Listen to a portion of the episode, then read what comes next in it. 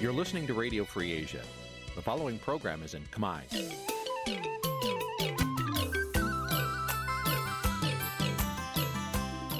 Nǐ ជាកម្មវិធីផ្សាយ Vuthu Azizi Serai នេះជាកម្មវិធីផ្សាយរបស់ Vuthu Azizi Serai ជាភាសាខ្មែរ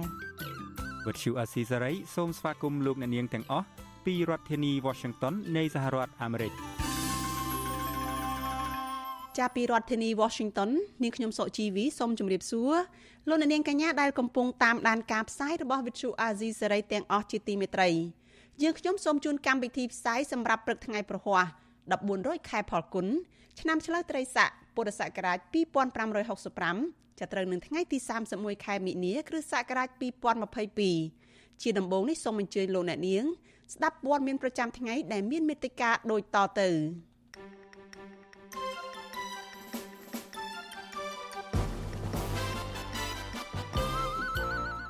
អាជ្ញាធរខេត្តសៀមរាបមិនទទួលញត្តិរបស់ក្រមយុវជន ដែលស្នើឲ្យឈប់បង្ហូរទឹកស្អុយចូលស្ទឹងសៀមរាបអង្គការអ្នកសារព័ត៌មានគ្មានព្រំដែនអំពាវនាវដល់ក្រសួងព័ត៌មានផ្ដល់អាជ្ញាប័ណ្ណឲ្យអង្គភាពព័ត៌មានអនឡាញចំនួន3ឡើងវិញមេធាវីលោកកឹមសុខាពិចារណាស្នើតុលាការក៏ហៅរដ្ឋបរទេសពាក់ព័ន្ធនឹងសំណុំរឿងលោកកឹមសុខាមកបំភ្លឺ យើងនឹងមានបទវិភាគរបស់លោកជុនច័ន្ទបុតថាតើលោកហ៊ុនសែនកាន់អំណាចបានរហូតមកដល់ពេលបច្ចុប្បន្ននេះតាមរបៀបណារួមនឹងព័ត៌មានសំខាន់សំខាន់មួយចំនួនទៀតចាជាបន្តទៅទៀតនេះនាងខ្ញុំសុជីវីសូមជូនព័ត៌មានពិស្ដាចលនានាងជាទីមេត្រីអាញាធរខេត្តសៀមរាបកាលពីព្រឹកថ្ងៃទី30ខែមិនិនាមិនទទួលញត្តិរបស់ក្រមយុវជនជិត50នាក់ដែលផ្តិតមេដៃស្នើឲ្យអាញាធរ កែលម្អសោភ័ណភាពបរិស្ថានតាមដងស្ទឹងសៀមរាប ដែលគេបង្ហូរទឹកស្អុយចូលស្ទឹង នៅក្នុងតំបន់ទេសចរប្រវត្តិសាស្ត្រមួយនេះចាអ្នកស្រីម៉ៅសុធានីរាយការណ៍ព័ត៌មាននេះក្រមយុវជនដែលស្រឡាញ់បរិស្ថានខកចិត្តយ៉ាងខ្លាំងដែលអាជ្ញាធរខេត្តសៀមរាបមិនទទួលយកញត្តិរបស់ពួកគេ ដើម្បីចាត់វិធានការតាមការស្នើសុំយុវជនដែលស្រឡាញ់បរិស្ថានម្នាក់ប្រាប់បច្ចុប្បន្នអសីស្រីនៅថ្ងៃទី30ខែមីនា ថាមន្ត្រីសាលាខេត្តសៀមរាបលោកសុកផលមិនទទួលយកញត្តិរបស់ពួកលោកទេដោយលើកហេតុផលថាពួកលោកពុំមែនជាប្រជាពលរដ្ឋរស់នៅខេត្តសៀមរាបដែលរងផលប៉ះពាល់នោះឡើយលោកបន្តថាមន្ត្រីសាលាខេត្តបានបង្វែរឲ្យពួកលោកយកញត្តិនេះទៅដាក់ជូននៅមន្ទីរសាធារណការខេត្តទៅវិញដើម្បីដោះស្រាយ។ តំណាងក្រមយុវជនបរិស្ថានលោកថនរដ្ឋាចាត់ទុកទង្វើរបស់អាជ្ញាធរខេត្តនេះថាជាការបង្កលក្ខណៈស្មុគស្មាញនិងមានចេតនាកិច្ចវេះមិនទទួលខុសត្រូវសម្អាតបរិស្ថានក្នុងដែនសមត្ថកិច្ចរបស់ខ្លួនស្របតាមច្បាប់ និងគោលនយោបាយរបស់រដ្ឋាភិបាល។ លោកបន្ថែមថាក្នុងពេលដែលពួកលោកយកញត្តិដាក់ជូនទៅអាជ្ញាធរខេត្តនេះនិងបង្ហោះវីដេអូផ្សាយផ្ទាល់តាមបណ្ដាញសង្គមបង្ហាញពីគោលបំណងនៃការដាក់ញត្តិនេះហើយអាជ្ញាធរមួយចំនួនបាននិយាយឌៀមដាមក្នុងន័យគម្រាមកំហែង។ យើងឃើញថាឲ្យតែដាក់ញត្តិស្នើសុំណាមួយទៅស្ថាប័នរដ្ឋហ្នឹងហាក់បីដូចជាមិនបកលលក្ខណៈងាយស្រួលឲ្យសាធារណជនទេធ្វើយ៉ាងណាឲ្យមានភាពស្មុគស្មាញរឹតបន្តឹងមានប្រើប្រាស់ពីសម្ដីមួយចំនួនបែបប្រឡាចតែបបាក់ទឹកចិត្តឬក៏មិនចង់ឲ្យអ្នកដែលកំពុងតែសកម្មជំវិញការឲ្យរដ្ឋមានការទទួលខុសត្រូវខ្ពស់ហ្នឹងប្រអាសកម្មភាពពួកគាត់ធ្វើម៉េចពួកគាត់មានភាពស្មុគស្មាញក្នុងការថាលើកក្រោយហ្នឹងគឺមិនចង់ធ្វើមិនចង់ខ្វល់ពីបញ្ហាទាំងអស់ហ្នឹង ខ្លឹមសារញត្តិដែលមានស្នាមមេដៃក្រមយុវជនជិត50នាក់នៅក្នុងបំណងដាក់ជូនរដ្ឋាភិបាលខេត្តសៀមរាបកែលម្អសភនភាពបរិស្ថានទាំងសៀមរាបក្រោយដែលពួកគេប្រទះឃើញមានទឹកស្អុយហូរចេញពីលូនៅបណ្ដោយស្ទឹងសៀមរាបដោយមានកាកសំណល់សម្រាមមកជាមួយធ្វើឲ្យទឹកស្ទឹងប្រែជាល្អក់ពណ៌ខ្មៅនិងមានក្លិនស្អុយ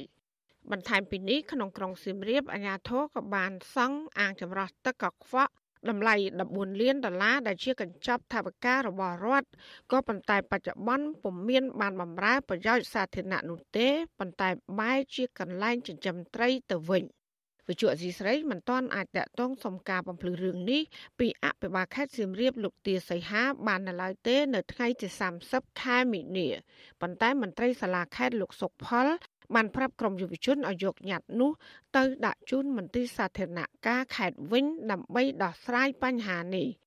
អនុប្រធានមន្ត្រីសាធារណការខេត្តសៀមរាបលោកហាប់មីប្រាប់វិទ្យុស៊ីស្រីថាលោកពុំទាន់បានទទួលញត្តិរបស់ក្រមយុវជននៅឡើយលោកថាលោកស្វាគមន៍ចំពោះការដាក់ញត្តិនេះនឹងបានជំរុញឲ្យក្រមយុវជន គួរតែសហការនឹងសួរនាំអាជ្ញាធរជំនាញបកស្រាយរឿងនេះស្របតាមលក្ខណៈបច្ចេកទេសជាមុនសិន ហើយគាត់មានលុយប្រមាណឲ្យកែគាត់មានលុយប្រមាណធ្វើមិនកែគាត់មានលុយធ្វើមិនធ្វើមិនបច្ចេកទេសខាងខាងយុវជនបរិស្ថានចង់ធ្វើមិនគាត់ថាមានសួរគេអត់តែមើលនោះគេធ្វើការអីអត់មានសួរនិយាយនោះហើយលក្ខណៈប្រព័ន្ធនោះវាយ៉ាងម៉េចគាត់មានដឹងអីអត់បរដ្ឋរស់នៅក្រុងសៀមរាបលោកអាំងឆាលថ្លែងថាការបង្ហូរទឹកស្អុយចូលស្ទឹងសៀមរាបនេះគឺកើតមានឡើងជាច្រើនឆ្នាំមកហើយដោយសារតែអាជ្ញាធរមិនបានយកចិត្តទុកដាក់ដោះស្រាយ ដែលជាហេតុធ្វើឲ្យទឹកស្ទឹងប្រែជាល្អក់ពណ៌ខ្មៅកខ្វក់ដោយសារមានលូបង្កប់ក្នុងដីជាច្រើនកន្លែង បង្ហូរទឹកបង្គន់ចូលស្ទឹងលោកយល់ថាបើអាជ្ញាធរមានឆន្ទៈដោះស្រាយនេះ គឺមិនពិបាកនោះឡើយ ជុំវិញបញ្ហានេះមន្ត្រីពង្រឹងសិទ្ធិអំណាចសហគមន៍មូលដ្ឋាននៃសមាគមអាត់ហុកលោកប៉ែនបណ្ណាបញ្យល់ថាអាញាធរមានករណីកិច្ចទទួលយកសំណុំពររបស់បរដ្ឋ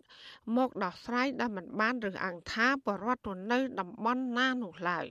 លោកបន្តថាការរកឃើញរបស់ក្រមយុវជនទាំងនេះគឺជាចំណុចល្អដែលអាញាធរគួរតែដោះស្រាយដើម្បីចូលរួមកែលម្អចំណុចខ្វះខាតរបស់ខ្លួន។ យើងសូមសារពីចន្ទៈដ៏មុមុតរបស់កម្លាំងយុវជនហ្នឹងដែលបានជួយរុញអាជ្ញាធរខេត្តហ្នឹងឲ្យគិតគូរអំពីផលប៉ះពាល់ពីបរិស្ថានទឹកទឹកដែលហូរចូលទៅទឹកអុយហ្នឹងបាទញត្តិរបស់ក្រមយុវជនជំរុញអាជ្ញាធរខេត្តនេះលើកកម្ពស់សភនភាពបរិស្ថានស្ទឹងសៀមរាបដែលជាស្ទឹងប្រវត្តិសាស្ត្រដើម្បីឲ្យប្រជាពលរដ្ឋអាចប្រើប្រាស់ទឹកបាន និងតាក់ទាញភ្ញៀវទេសចរ ចាំពួកគេបារម្ភថាទឹកកខ្វក់ទាំងនេះគឺមានក្លិនស្អុយប៉ះពាល់ធ្ងន់ធ្ងរដល់សុខភាពមនុស្សសត្វជីវៈចម្រុះការនេសាទត្រីនិងការប្រើប្រាស់ទឹករបស់ប្រជាកសិករជាដើមចាននាងខ្ញុំម៉ៃសុធានីវិទ្យុអាស៊ីសេរីប្រធានាធិបតី Washington ចាលោកនាងជាទីមេត្រីព័ត៌មានតកតងនឹងសេរីភាពសារព័ត៌មានវិញម្ដង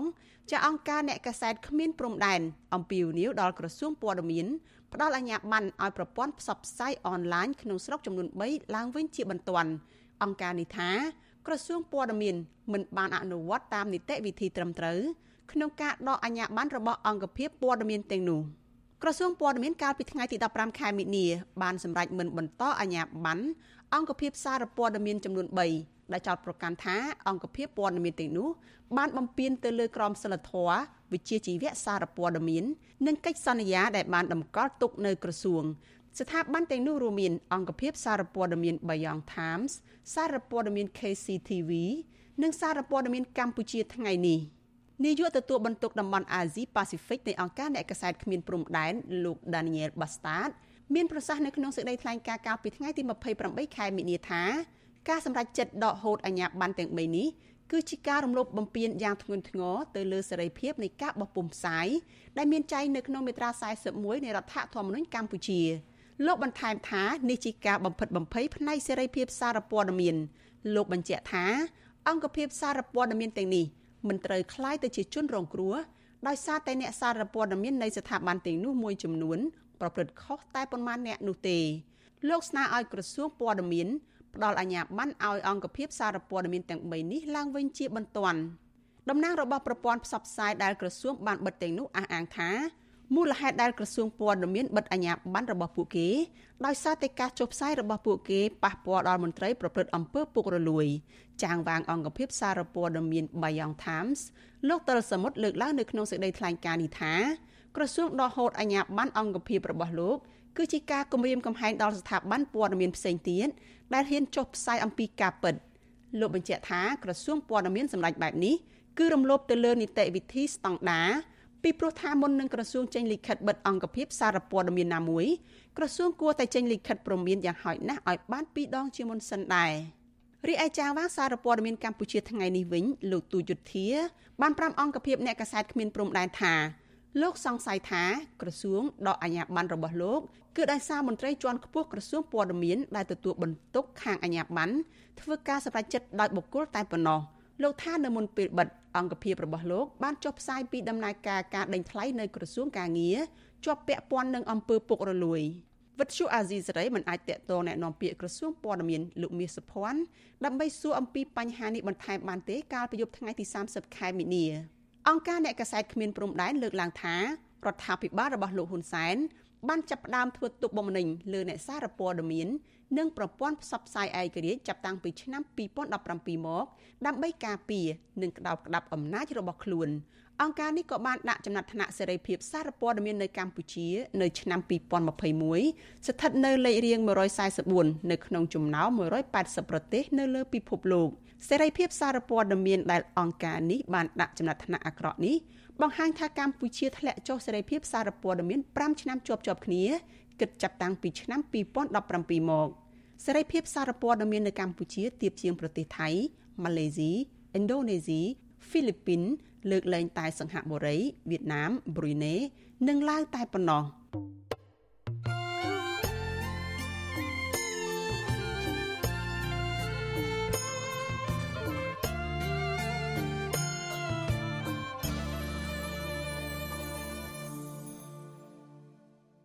ចលនានាងកញ្ញាប្រិយមិត្តជាទីមេត្រី មកទល់នឹងឆ្នាំ2022នេះលោកហ៊ុនសែនកាន់អំណាចបានជាង37ឆ្នាំហើយការដែលលោកអាចកាន់អំណាចបានយូរបែបនេះគឺមកពីលោកជាមេដឹកនាំដ៏ឆ្លៀសវៃ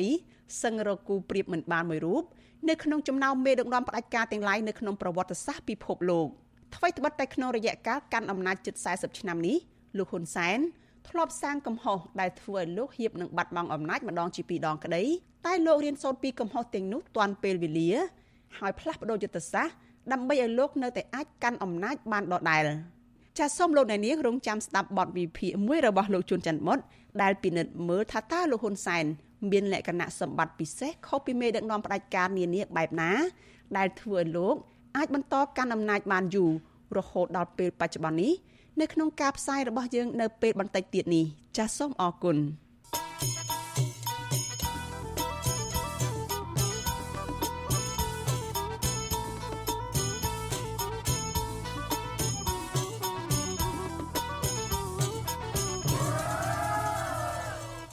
ចាលោកអ្នកនាងជាទីមេត្រីលោកអ្នកកំពុងតែតាមដានការផ្សាយរបស់ Vithu Azizi សេរីចាប់ផ្សាយចេញពីរដ្ឋធានី Washington សហរដ្ឋអាមេរិកចាសសេចក្តីរាយការណ៍ពីខេត្តស្ទឹងត្រែងឲ្យដឹងថា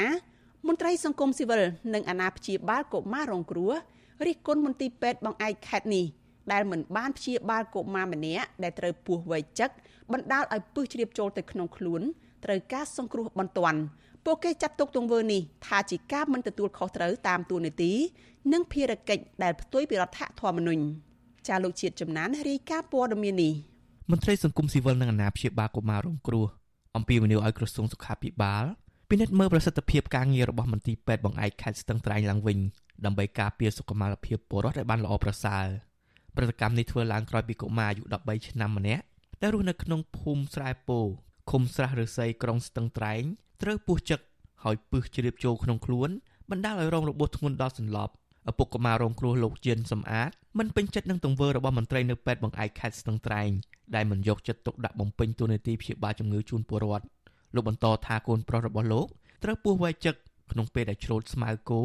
ហើយបញ្ជូនមកមន្ទីរពេទ្យបង្អែកខេត្តស្ទឹងត្រែងកាលពីថ្ងៃទី26ខែមីនាប៉ុន្តែក្រុមគ្រូពេទ្យមិនព្រមព្យាបាលនោះទេដោយលើកហេតុផលថាអស់ថ្នាំក្នុងស្តុកបណ្ដាលឲ្យអ្នកជំងឺមានសភាពធ្ងន់ធ្ងរលោកថាលោកបានបញ្ជូនកូនប្រុសរបស់លោកទៅព្យាបាលគ្រូពេទ្យបែបបុរាណហើយបានធូរស្រាលខ្លះហើយប៉ុន្តែជាតិពឹសបានជ្រាបចូលក្នុងខ្លួនធ្វើឲ្យឈឺភ្នែកនិងធ្គាមហើយកំពុងសម្រាប់ព្យាបាលនៅឡើយ អាពពឹសវាខ្លាំងដែរខ្ញុំកូនប្រឡប់ទៅមុនទៅភ័យមកដល់ប៉ែតែថាមានវាក់សាំងខ្ញុំក៏គេអត់ស្នាប់យើងធ្វើមិនបើអត់ធម្មតាទេយើងយកពុកអន់ចិត្តដែរហ្នឹងបើថាធ្វើមិនបើគេថាអត់ហើយវិសុយអសិរ័យមិនអាចតាក់ទងសុំការបំភ្លឺរឿងនេះពីប្រធានមន្ត្រីពេទ្យបង្អែកខេត្តស្ទឹងត្រែងលោកសយសុភីបនិងប្រធានមន្ត្រីសុខាភិបាលខេត្តនេះលោកអ៊ុងសូវៀតបាននៅឡើយទេនៅថ្ងៃទី30ខែមីនាដោយទូរស័ព្ទចូលជាច្រើនដងតែគ្មានអ្នកលើកជុំវិញរឿងនេះមន្ត្រីសម្របសម្រួលសមាគមអាត់6ខេត្តស្ទឹងត្រែង លោកប៊ីវ៉ានីផ្ដល់ទស្សនៈថាក្រសួងសុខាភិបាលគួរតែពិនិត្យឡើងវិញចំពោះទង្វើនិងវិជាជីវៈរបស់មន្ត្រីពេទ្យខេត្តស្ទឹងត្រែងដែលមិនបានយកចិត្តទុកដាក់នឹងទទួលខុសត្រូវការពារសុខភាពរបស់ពលរដ្ឋលោកចាត់ទុកទង្វើនេះជាចំណុចខ្វះខាតគួរតែកែលម្អឡើងវិញដើម្បីធានាថាសុខភាពរបស់ពលរដ្ឋត្រូវបានការពារនិងព្យាបាលស្របតាមរដ្ឋធម្មនុញ្ញ ខណៈយើងបណ្ដេតបណ្ដោយធ្វើឲ្យអ្នកជំងឺនឹងមានថាគាត់យើងអាចជួយសង្គ្រោះបានហើយយើងរុញឲ្យទៅផុតពីដៃទៅហើយនិយាយថាសំអាងលើហេតុផលអស់ឆ្នាំឬអីចឹងវាអញ្ចឹងបង្ហាញថាមន្ទីរពេទ្យបង្អែកខេត្តអបប៉ុណ្ណាណីហើយយើងអត់មានថ្នាំស្តុកគ្រប់គ្រាន់សម្រាប់ព្យាបាលអ្នកជំងឺបើកាលណាយើងនិយាយភាសាហ្នឹងវាបង្ហាញថាมันបានបង្ហាញការយុត្តិធម៌ដាក់របស់ប្រជាជូនប្រជាពលរដ្ឋកន្លងទៅពលរដ្ឋនៅតាមបណ្ដាខេត្តមួយចំនួនធ្លាប់រិះគន់មន្ទីរពេទ្យរបស់រដ្ឋ ថាมันបានយកចិត្តទុកដាក់ព្យាបាលជំងឺធ្វើប្រហែសបណ្ដាលឲ្យពលរដ្ឋស្លាប់ពលរដ្ឋរស់នៅខេត្តព្រះវិហាររិះគន់ក្រុមគ្រូពេទ្យនៃមន្ទីរពេទ្យបង្អែកក្រុងព្រះវិហារថាធ្វើប្រហែសបណ្ដាលឲ្យមនុស្សស្លាប់ជាច្រើនអ្នកកាលពីឆ្នាំ2015ពួកគេសង្កេតឃើញថាគ្រូពេទ្យមួយចំនួនធ្វើប្រហែសក្នុងការជួយសង្គ្រោះអ្នករងគ្រោះនិងបានប្រើសម្ដីអសុរោះទៅលើអ្នកជំងឺជាពិសេសពលរដ្ឋក្រីក្រ និងស្ត្រីមានផ្ទៃពោះដោយខ្លះគ្មានលុយដេកស្លាប់នៅមន្ទីរពេទ្យ រដ្ឋធម្មនុញ្ញមាត្រា72ចែងថាសុខភាពរបស់ប្រជាពលរដ្ឋត្រូវបានធានាហើយរដ្ឋយកចិត្តទុកដាក់ដល់ការការពារនិងព្យាបាលជំងឺប្រជារាស្ត្រក្រីក្រត្រូវបានទទួលការពិនិត្យរោគដោយឥតគិតថ្លៃនៅតាមមន្ទីរពេទ្យកលាដ្ឋាន និងមន្ទីរសម្ភពសាធារណៈខ្ញុំបាទចិត្តចំណាន Visual Assisray ពីរដ្ឋធានី Washington ចលនានាងកញ្ញាប្រិមិត្តជាទីមេត្រីចព័ត៌មានតកតងនៅរឿងក្តីក្តាំរបស់ប្រធានគណៈបកប្រឆាំងលោកកឹមសុខានៅឯតុលាការឯនេះវិញ ចាក្រុមមេធាវីការពារក្តីឲ្យប្រធានគណៈបកប្រឆាំងលោកកឹមសុខាអះអាងថាពួកគេកំពុងពិចារណាក្នុងការស្នើសុំតុលាការឲ្យកោះហៅរដ្ឋបរទេសមួយចំនួនដែលរដ្ឋាភិបាលចោទប្រកាន់ថាបានខົບខិតជាមួយលោកកឹមសុខា ក្នុងការប៉ុនប៉ងដួលរំលំរដ្ឋាភិបាលមកបំភ្លឺមន្ត្រីសិទ្ធិមនុស្សដែលខ្លាំមើលសវនកម្មនេះយល់ថាតុលាការគួរមានភាពក្លាហានឲ្យរដ្ឋបរទេសទាំងនោះមកបញ្ជាក់ការពិតឬក៏តទល់គ្នានៅក្នុងតុលាការ ចាលូទីនសការីយ៉ាមានសេចក្តីរាយការណ៍អំពីរឿងនេះរដ្ឋបរទេសដែលក្រុមមេធាវីការពារក្តីលោកកម្មសខាចង់ឲ្យមកបំភ្លឺនៅតុលាការនោះរួមមានសហរដ្ឋអាមេរិកសហភាពអឺរ៉ុបប្រទេសអាល្លឺម៉ង់និងអង្គការអន្តរជាតិមួយចំនួនរដ្ឋទាំងនោះហើយដែលជាប់ពាក់ព័ន្ធនឹងសំណុំរឿងក្បត់ជាតិរបស់លោកកម្មសខាតាមការចោទប្រកាន់របស់រដ្ឋាភិបាលលហ៊ុនសែនកាលពីឆ្នាំ2017សហមេធាវីការពារក្តីលោកកម្មសខាគឺលោកផែងហេងថ្លែងប្រាប់អ្នកសារព័ត៌មានក្រោយចប់សវនាការថា ដំណើររឿងក្តីលោកកម្មសខានាពេលកន្លងមកត្រូវបានមេធាវីរដ្ឋាភិបាលចៅក្រមស៊ើបសួរនិងតំណាងអัยការចោទសួរពីទំនាក់ទំនងរបស់លោកកម្មសខាជាមួយនឹងរដ្ឋបរទេសទាំងនោះលោកបន្តថាក្រុមមេធាវីនឹងពិនិត្យលើករណីនេះថាតើគួរហៅសាកសីនៃប្រទេសទាំងនោះជាសាកសីចាំបាច់ណាមួយដើម្បីមកបំភ្លឺការពិតដែរឬទេទោះជាបែបនេះក្តីលោកមេធាវីមិនទាន់បញ្ជាក់ពេលវេលាជាក់លាក់ក្នុងការស្នើសុំរដ្ឋបរទេសទាំងនោះមកធ្វើជាសាកសីក្នុងតុលាការនៅឡើយទេ ដោយត្រូវរងចាំនីតិវិធីរបស់តុលាការជាមុនសិនគឺវាពាក់ព័ន្ធជាមួយនឹងបរទេសច្រើនអ្នកអញ្ចឹងហើយយើងនឹងពិនិត្យមើលថាតើគួរឲ្យហៅសាក់សីណាខ្លះដែលជាចាំបាច់ដើម្បីបង្ហាញការពិតទៅលើសំណុំរឿងរបស់អាដាមកម្មខានេះយើងចាំមើលនីតិវិធីថាដើរទៅចុងក្រោយដោយសារចៅក្រមគាត់ចែកកម្មវិធីអញ្ចឹងណាអញ្ចឹងទៅដល់ដំណាក់កាលមួយមួយថាដំណាក់កាលណាចាំបាច់ដែលយើងត្រូវស្នើសុំ ទាក់ទងនឹងការលើកឡើងរបស់សហមេធាវីលោកកម្មសខាបែបនេះវិទ្យុអសិរ័យមិនអាចសុំការបំភ្លឺពីប្រធានសាលាដំបងរាជធានីភ្នំពេញលោកតាំងសុនឡាយនិងអ្នកនាំពាក្យរដ្ឋាភិបាលលោកផៃសិផានដើម្បីសួរអំពីបញ្ហានេះបានទេនៅថ្ងៃទី30មីនាចំណែកអ្នកនាំពាក្យគណៈបកប្រជាជនកម្ពុជាលោកសុកអេសានយល់ថាការសម្រេចកោះហៅសាកសីនិងភាគីពាក់ព័ន្ធណាមួយជាឆន្ទានុសិទ្ធិរបស់តុលាការតកតងនឹងរឿងនេះដែរមេធាវីដំណើររដ្ឋាភិបាលដែលជាដើមបណ្ដឹងគឺលោកគីតិចធ្លាប់លើកឡើងថា មានប្រទេសចំនួន9ដែលជាប់ពាក់ព័ន្ធនឹងលោកកម្មសខាក្នុងនោះរួមមានឥណ្ឌូនេស៊ីយូហ្គោស្លាវីហ្សេប៊ីអូស្ត្រាលីអាមេរិកកាណាដាសហភាពអឺរ៉ុបតៃវ៉ាន់និងឥណ្ឌាជុំវិញនឹងសវនាការលោកកម្មសខានៅថ្ងៃទី31មីនាគឺដោយសពដងដែរតុលាការបានបើកសវនាការជំនុំជម្រះក្តីលោកកម្មសខាតែកន្លះថ្ងៃក្នុងមួយសប្តាហ៍ប៉ុណ្ណោះទោះក្រុមមេធាវីលោកកម្មសខាស្នើសុំបន្ថែមថ្ងៃជំនុំជម្រះបែបណាក្តីសវនាការលើកទី35នេះ តំណាងអัยការបានសួរសំណួរដដែលដដែលដែលធ្លាប់បានសួរក្នុងសវនាការនៅពេលកន្លងទៅរួចហើយដែលជាសំណួរទាក់ទងនឹងការថ្លែងរបស់លោកកម្មសខានៅប្រទេសអូស្ត្រាលីកាលពីឆ្នាំ2013និងការធ្វើសកម្មភាពនយោបាយរបស់លោកកម្មសខាមន្ត្រីឃ្លាំមើលនឹងជាជំនួយការមេធាវីនៃសមាគមអាត6លោកយីសុកសានដែលបានឃ្លាំមើលសវនាការយល់ថាតំណាងអัยការហាក់មានចេតនាអស់បន្លាយពេលវេលានៃសវនាការនេះកាន់តែយូរថែមទៀត លោកសង្កេតឃើញថាការចាប់ប្រកាន់លោកកម្មសខាថាបានខົບខិតជាមួយរដ្ឋបរទេសភ ieck ច្រើនគឺមានតែរូបថតដែលលោកយល់ថាជាភ័ស្តុតាងមិនរឹងមាំលោកបន្តថាដើម្បីជំរះមន្ទិលសង្ស័យនេះតឡាការគួរអនុញ្ញាតឲ្យរដ្ឋបរទេសដែលជាប់ពាក់ព័ន្ធក្នុងសំណុំរឿងនេះមកឆ្លើយបំភ្លឺ នេះត្រូវតែតឡាការត្រូវតែមានឆន្ទៈឬភាពក្លាហានដើម្បីជួយមកដើម្បីឲ្យពួកគាត់មកបាននិយាយតទល់គ្នានៅចំពោះមុខច្បាប់ដើម្បីរកភាពស្អាតស្អំឲ្យជនរងគ្រោះឬក៏ខុសតាងដាក់បន្ទុកដើម្បីបើសិនជាគាត់ខុសឲ្យខុសតាមផ្លូវច្បាប់ឲ្យខុសឲ្យមានឯកសារត្រឹមត្រូវនេះការគិតរបស់ខ្ញុំបាទលោកកម្មសខាត្រូវបានសមត្ថកិច្ចសម្រុកចូលចាប់ខ្លួនកាលពីឆ្នាំ2017ដែលចោទប្រកាន់ពីបទក្បត់ជាតិនិងបានហាមឃាត់មិនឲ្យធ្វើនយោបាយនិងចេញក្រៅប្រទេស ជាង4ឆ្នាំនៃការចាប់ប្រកាន់នេះតឡាការមិនទាន់រកឃើញថាលោកមានទោសឬគ្មានទោសនៅឡើយទេហើយក៏មិនទាន់ក៏ហៅរដ្ឋបរទេសណាមួយមកឆ្លើយបំភ្លឺដែរក្រុមមន្ត្រីសង្គមស៊ីវិលតាមដានឃ្លាំមើលសវនាការលោកកម្មសខាតែងតែលើកឡើងដូចដូចគ្នាថាសំណុំរឿងលោកកម្មសខាជារឿងនយោបាយដូច្នេះអ្នកនយោបាយគឺជាអ្នកដោះស្រាយបញ្ហានេះតាមផ្លូវនយោបាយកាលពីថ្ងៃទី29មិនិនានារីកាពិសេសរបស់អង្គការសហប្រជាជាតិទទួលបន្ទុកផ្នែកសិទ្ធិមនុស្សប្រចាំនៅកម្ពុជាលោកវិទិតមុនតាបន បានថ្លែងក្នុងកិច្ចប្រជុំនៃក្រុមប្រឹក្សាសិទ្ធិមនុស្សរបស់អង្គការសហប្រជាជាតិថាលំហសិទ្ធិបរិវត្តនិងនយោបាយនៅកម្ពុជាកាន់តែរួមតូចទៅ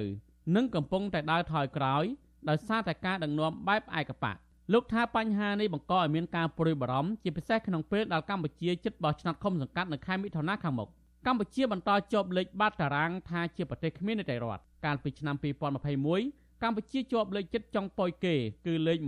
138លើលេខ139ប្រទេសក្នុងរបាយការណ៍របស់អង្គការគម្រោងយុទ្ធធម៌ពិភពលោកតឡាការក្រុងនឹងបន្តសវនាការលោកកម្មសខានៅសប្តាហ៍ក្រោយដែលត្រូវនៅថ្ងៃទី6ខែមេសាខាងមុខខ្ញុំធីនសាការីយ៉ាស៊ីសេរីប្រធានីវ៉ាស៊ីនតោនចលនានាងជាទីមេត្រីព័ត៌មានតកតងទៅនឹងខួបនៃការគប់គ្រាប់បែកលើវងបាតកោកាលពីឆ្នាំ1997វិញម្ដង ចាថ្ងៃទី30ខែមិនិនាឆ្នាំ2022គឺម្សិលមិញនេះគឺជាខួប25ឆ្នាំនៃហេតុការណ៍គប់គ្រាប់បែកដៃលើវងបាតកោអហិង្សានៅខាងមុខអគាររដ្ឋសភាចាស់ក្បែរព្រះបរមរាជវាំងក្រមគ្រួសារជនរងគ្រោះនៅតែទទូចដល់រដ្ឋាភិបាលឲ្យនាំខ្លួនជនប្រព្រឹត្តនិងអ្នកពាក់ព័ន្ធយកមកផ្ដន់ទោសតាមផ្លូវច្បាប់ប៉ុន្តែតំណាងរដ្ឋាភិបាលឆ្លើយតបថាបើភាគីណាមួយមានភ័ស្តុតាងថ្មី ពួកគេអាចដាក់ជូនអាជ្ញាធរមានសមត្ថកិច្ចដើម្បីបន្តស៊ើបអង្កេតរឿងនេះចាប់ពីរដ្ឋធានី Washington លោកយុនសាមៀនរាយការណ៍ព័ត៌មាននេះគ្រួសារជនរងគ្រោះក្នុងព្រឹត្តិការណ៍គប់គ្រាប់បែកកាលពី25ឆ្នាំមុនគ្មានសង្ឃឹមថានឹងទទួលបានយុត្តិធម៌នោះទេដោយសារតែរដ្ឋាភិបាលលោកហ៊ុនសែនមិនមានឆន្ទៈពិតប្រាកដក្នុងការវេកមុខរោគជនប្រព្រឹត្តនិងអ្នកជាប់ពាក់ព័ន្ធមកដាក់ទោសតាមច្បាប់អតីតសមាជិកព្រឹទ្ធសភាគណៈបកសំរងស៊ីអ្នកស្រីលីនារី ដែលបច្ចុប្បន្នមានវ័យ79ឆ្នាំទៅហើយនោះមានប្រសាសន៍ថាអ្នកស្រីនៅតែនឹករលឹកកូនប្រុសដែលបានបាត់បង់ជីវិតក្នុងហេតុការណ៍ដ៏រន្ធត់នោះកូនប្រុសអ្នកស្រីលីនេរីគឺលោកជេតឌួងតារាវុធដែលកាលនោះមានវ័យត្រឹមតែ29ឆ្នាំនិងមានមុខរបរជាវិជ្ជបណ្ឌិត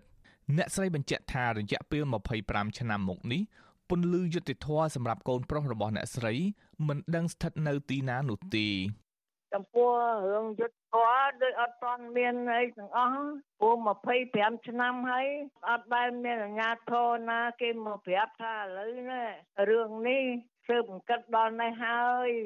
រឿងនោះយ៉ាងម៉េចយ៉ាងម៉េចគឺអត់ដែលមានតអសោះគឺស្ងាត់ឈឹងអញ្ចឹងដូចខ្ញុំគ្មានសង្ឃឹមទេលោកមួយអើយ ទោះបីជាយ៉ាងណាអ្នកស្រីលីនារីនៅតែអំពាវនាវយ៉ាងទទូចដល់រដ្ឋាភិបាលលោកហ៊ុនសែន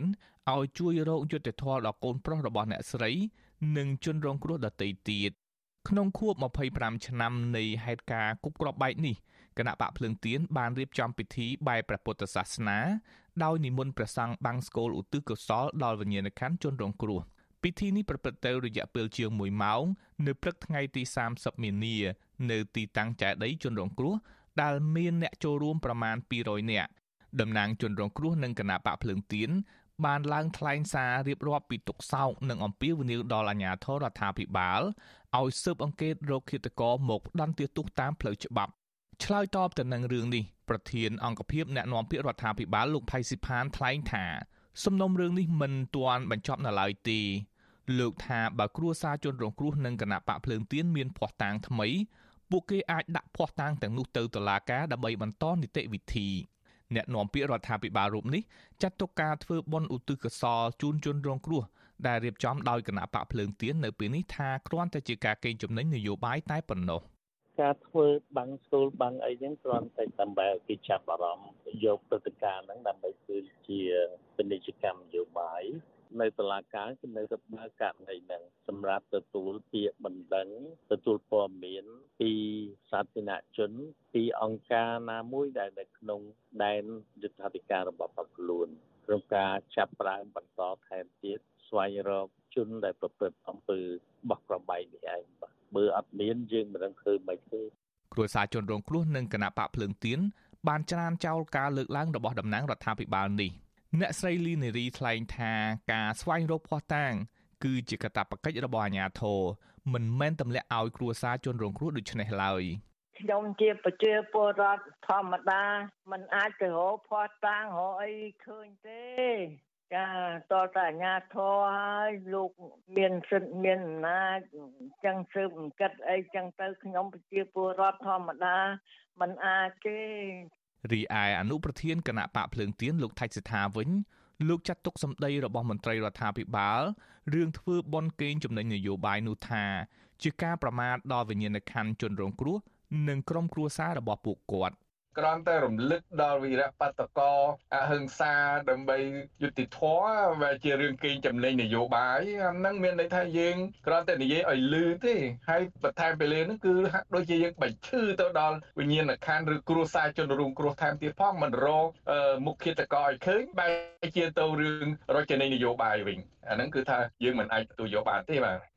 ហេតុការបោកគ្រាប់បែកលើវងបាតកោអហិង្សាកាលពីថ្ងៃទី30ខែមីនាឆ្នាំ1997នោះបានបណ្ដាលឲ្យមនុស្សស្លាប់យ៉ាងហោចណាស់16នាក់និងជាង100នាក់ផ្សេងទៀតរងរបួសរបាយការណ៍ស៊ើបអង្កេតនានាសុទ្ធតែបង្ហាញថាការវាយប្រហារនេះត្រូវបានរៀបចំឡើងដោយមេកងអង្គរៈលោកហ៊ុនសែនគឺលោកហ៊ីងប៊ុនហៀងនិងលោកហ៊ុយពិសិដ្ឋ តឡាការក្រុងប៉ារីសនៃប្រទេសបារាំងបានប្រកាសអនុវត្តដីកាចាប់ខ្លួនមនុស្សចំណិតរបស់លោកហ៊ុនសែនទាំងពីររូបនោះកាលពីចុងឆ្នាំ2021ពីបទប៉ុនប៉ងសម្រាប់មនុស្សផ្អែកតាមបណ្ដឹងរបស់ប្រធានស្ដីទីគណៈបកសង្គ្រោះជាតិលោកសំរងស៊ីនិងភរិយាដែលជាជនរងគ្រោះក្នុងហេតុការណ៍បោកក្របបែកនោះប្រធានសមាគមការពារសិទ្ធិមនុស្សអាត6លោកនីសុខាថ្លែងថាប្រសិនបើរដ្ឋាភិបាលកម្ពុជាមានឆន្ទៈរោគយុតិធធជូនជនរងគ្រោះមែននោះ សេចក្តីសម្រេចរបស់តុលាការបារាំងនេះអាចជាមូលដ្ឋានដ៏សំខាន់សម្រាប់ការស៊ើបអង្កេតបន្ថែមរដ្ឋាភិបាលយើងលោកមិនមានឆន្ទៈក្នុងការស្វែងរកយុទ្ធធម៌នៅក្នុងរឿងហ្នឹងទេបើតាមខ្ញុំមើលពីព្រោះរយៈពេល25ឆ្នាំហើយអត់មានពលឺអីផងអានេះគឺយើងមើលឃើញអំពីរឿងហ្នឹងវាជារឿងនិទានភាពនៅក្នុងប្រទេសកម្ពុជាយើងហើយក្នុងខួប25ឆ្នាំនៃហេតុការបោកក្របបែកនេះលោកសំរងស៊ីអតីតប្រធានគណៈបកជាតិខ្មែរដែលជាអ្នកដឹកនាំបដកម្មអហិង្សានៅគ្រានោះ បានបង្ហោះសារលើទំព័រ Facebook ថាការរំលឹកខួបនៅឆ្នាំនេះខុសពីលើកមុនមុនព្រោះតឡាការបារាំងបានវែកមុខអ ுக ្រិតជន និងកំពុងតាមចាប់ពួកគេយកទៅកាត់ទោសលោកបញ្ជាក់ថាអ ுக ្រិតជនទាំងពីរនាក់គឺលោកហ៊ីងប៊ុនហៀងនិងលោកហ៊ុយពិសិដ្ឋហើយនឹងអ្នកនៅពីក្រោយខ្នងដែលត្រូវទទួលទោសធ្ងន់ជាងគេបំផុតនោះ គឺលោកហ៊ុនសែនខ្ញុំយុនសាមៀនវិទ្យុអាស៊ីសេរីប្រធានាធិបតី Washington ចាលោកអ្នកនាងជាទីមេត្រី ពាក់ព័ន្ធនឹងសំណុំរឿងគប់ក្របបែកកាលពីឆ្នាំ1997នេះដែរចាជាបន្តទៅទៀតនេះសូមអញ្ជើញលោកអ្នកនាង ស្ដាប់បទសម្ភាសបន្ថែម រវាងអ្នកស្រីខែសុណងជាមួយនឹងអ្នកស្រីលីនេរីដែលជាម្ដាយរបស់ជនរងគ្រោះនៅក្នុងព្រឹត្តិការណ៍នេះដូចតទៅ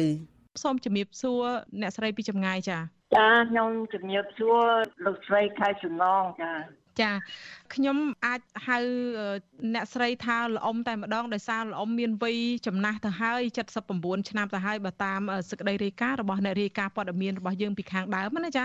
អ្នកស្រីលីនារីគាត់គឺជាអតីតសមាជិកព្រឹទ្ធសភានៃគណៈបកសំរងស៊ីហើយគាត់មានកូនប្រុសម្នាក់ចាដែលបានបាត់បង់ជីវិតនៅក្នុងហេតុការណ៍គប់ក្របបែកហ្នឹងគឺឈ្មោះ ចេតដួងតារាវុធចាដែលកាលនោះគាត់មានវ័យត្រឹមតែ29ឆ្នាំទេប៉ុន្តែនេះខ្ញុំចង់ជំរាបសួរទៅលោកអ៊ំអំពីហេតុការណ៍ដែលបានកន្លងផុតទៅរយៈពេល25ឆ្នាំទៅហើយមកដល់ពេលនេះមិនទាន់មានពន្លឺយុតិធធអីនៅឡើយក្នុងនាមជាក្រុមគ្រួសារតើលោកអ៊ំយល់ឃើញយ៉ាងម៉េចដែរចំពោះរឿងនេះចា៎ចារយៈពេល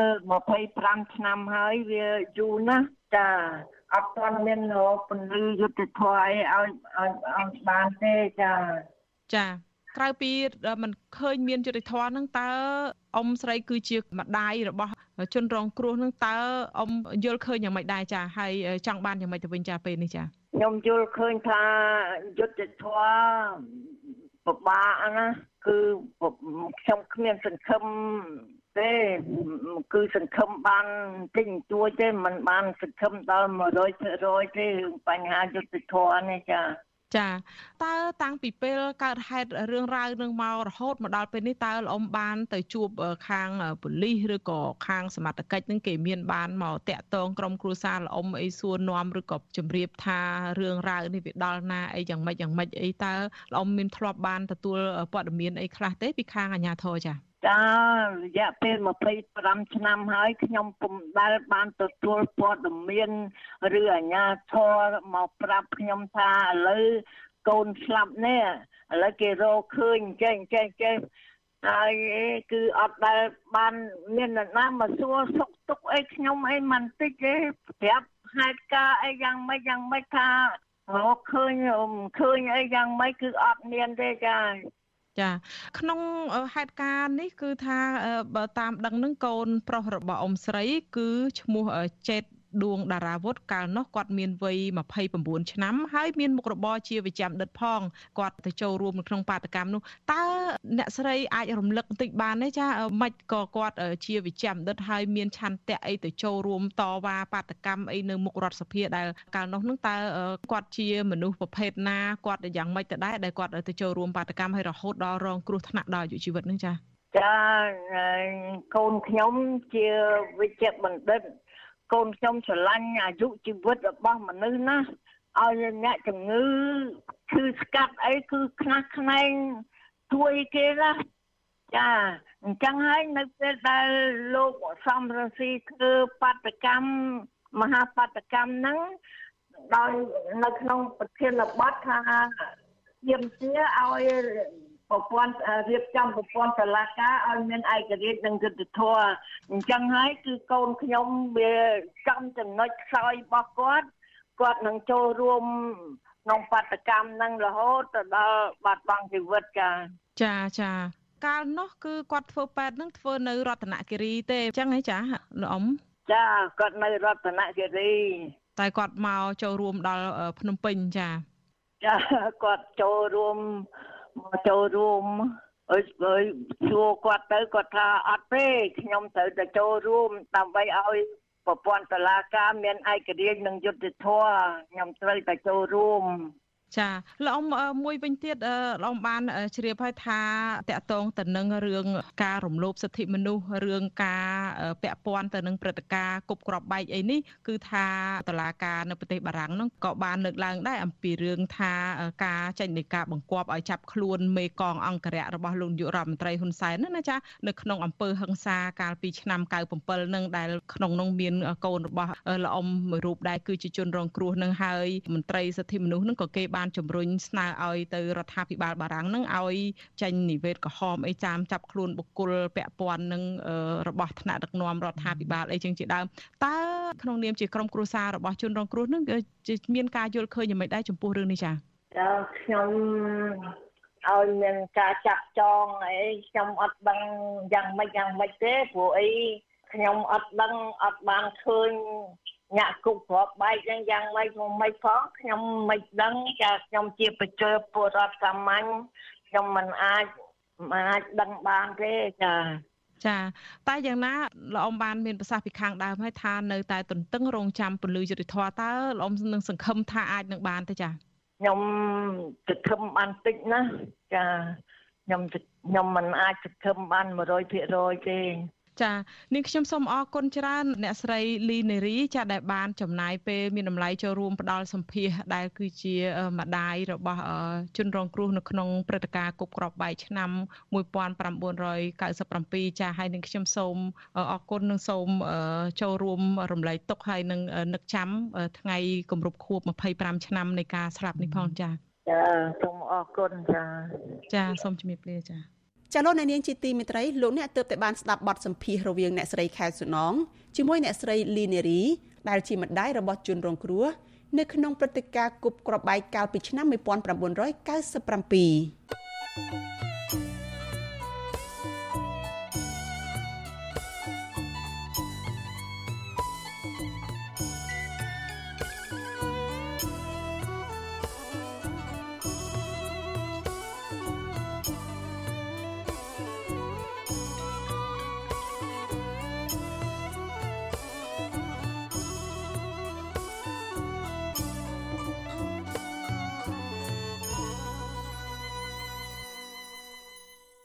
លោកអ្នកនាងកញ្ញាប្រិយមិត្តជាទីមេត្រី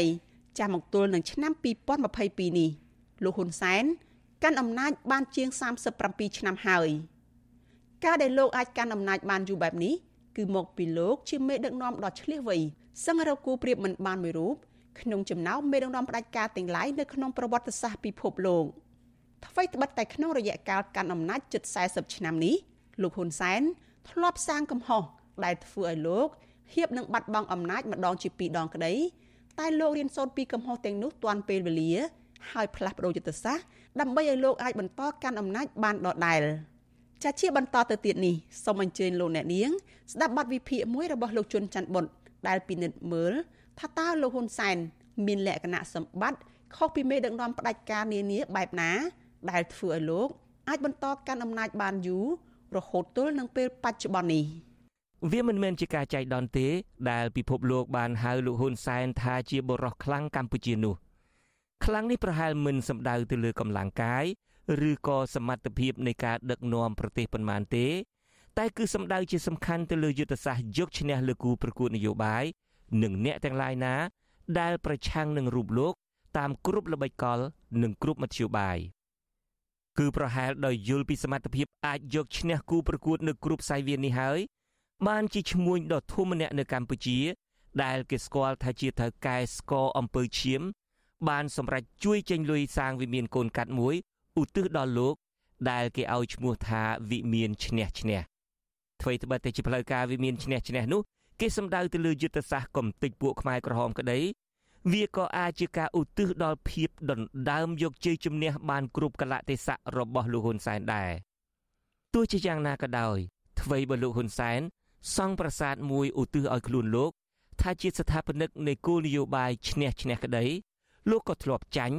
ហើយធ្លាប់បានសាងកំហុសដោយមនុស្សដទៃទៀតដែរក៏ប៉ុន្តែអ្វីដែលធ្វើឲ្យលោកហ៊ុនសែនមានលក្ខណៈពិសេសខុសប្លែកពីគេឯងគឺត្រង់ថាលោករៀនសូត្រពីកំហុសដែលធ្វើឲ្យលោកចាញ់នោះបានយ៉ាងទាន់ពេលវេលា ហើយផ្លាស់ប្ដូរយុទ្ធសាស្ត្រក្នុងការដណ្ដើមរក្សាអំណាចរបស់លោកបានវិញទោះក្នុងតម្លៃណាក៏ដោយ សាស្ត្រាចារ្យផ្នែកវិទ្យាសាស្ត្រនយោបាយពីសាកលវិទ្យាល័យ California Los Angeles UCLA លោក Daniel Trisman ដែលបានសិក្សាយ៉ាងល្អិតល្អន់លើការផ្លាស់ប្ដូរឲ្យមានលទ្ធិប្រជាធិបតេយ្យក្នុងពិភពលោកអះអាងថាការផ្លាស់ប្ដូរពីរបបផ្ដាច់ការមកប្រជាធិបតេយ្យភាកច្រើនកើតឡើងដោយសារតែមេដឹកនាំផ្ដាច់ការទាំងនោះប្រព្រឹត្តកំហុសខ្លួនឯងតែម្ដងរីឯការផ្លាស់ប្ដូរពីរបបផ្ដាច់ការមកប្រជាធិបតេយ្យ តាមរយៈការបោះឆ្នោត ការធ្វើបដិវត្តឬតាមការលូកដៃពីបរទេសជួយដល់គណៈបកប្រឆាំងកើតមានឡើងត្រឹមតែប្រមាណ25%ប៉ុណ្ណោះលោកសាស្ត្រាចារ្យ Daniel Trisman រកឃើញកំហុសជាចម្បងចំនួន5ដែលមេដឹកនាំផ្ដាច់ការបានសាង ហើយដែលធ្វើឲ្យពួកគេបាត់បង់អំណាចនាំឲ្យមានការផ្លាស់ប្ដូររបបកំហុសទាំង5នោះមានដូចតទៅ កំហុសទី1 គឺបណ្ដាលមកពីភាពក្រអឺតក្រទមនៃមេដឹកនាំផ្ដាច់ការត្រង់ចំណុចនេះលោកសាស្ត្រាចារ្យ Trisman លើកឡើងថាមេដឹកនាំផ្ដាច់ការប៉ាន់ស្មានកម្លាំងរបស់គណៈបកប្រឆាំងខុសរួចទប់ទល់លែងតាន់លោកលើកឧទាហរណ៍ពីការផ្លាស់ប្តូររបបនៅប្រទេសមួយចំនួនដូចជាប្រទេសរ៉ូម៉ានី ដែលមេដឹកនាំផ្ដាច់ការនីកូឡៃឆូសេស្គូត្រូវគេផ្ដួលរំលំនៅពេលដែលលោកកំពុងថ្លែងសុន្ទរកថា រីឯលោកប្រធានាធិបតីស៊ូហារតូនៃប្រទេសឥណ្ឌូនេស៊ីដែលនៅតែគិតថាលោកអាចទប់ទល់នឹងក្រុមប្រឆាំងបាន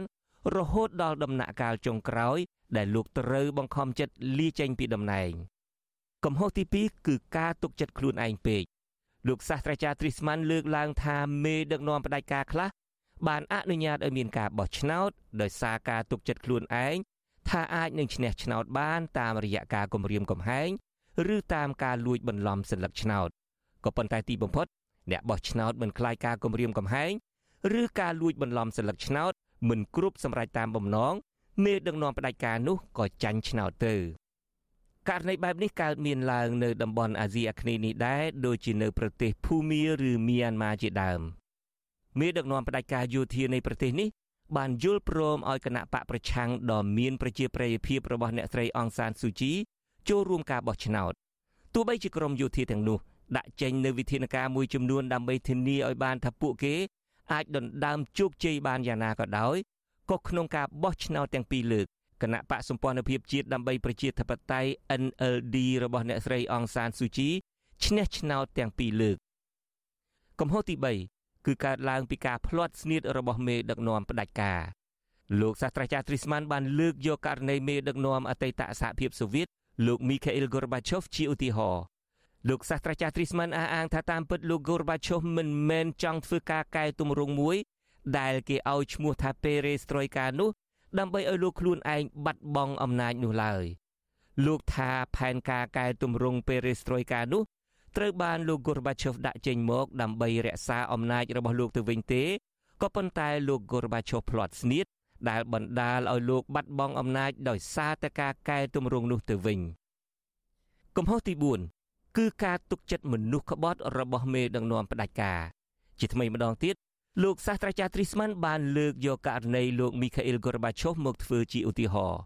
លោកហ្គូរបាឆូវបានទុកចិត្តនឹងចងសម្ព័ន្ធភាពជាមួយលោកបូរីសយ៉ាល់ស៊ីននៅពេលដែលប្រជ្រៀតខ្លួនចូលក្នុងឆាកនយោបាយបានពេញទំហឹងហើយ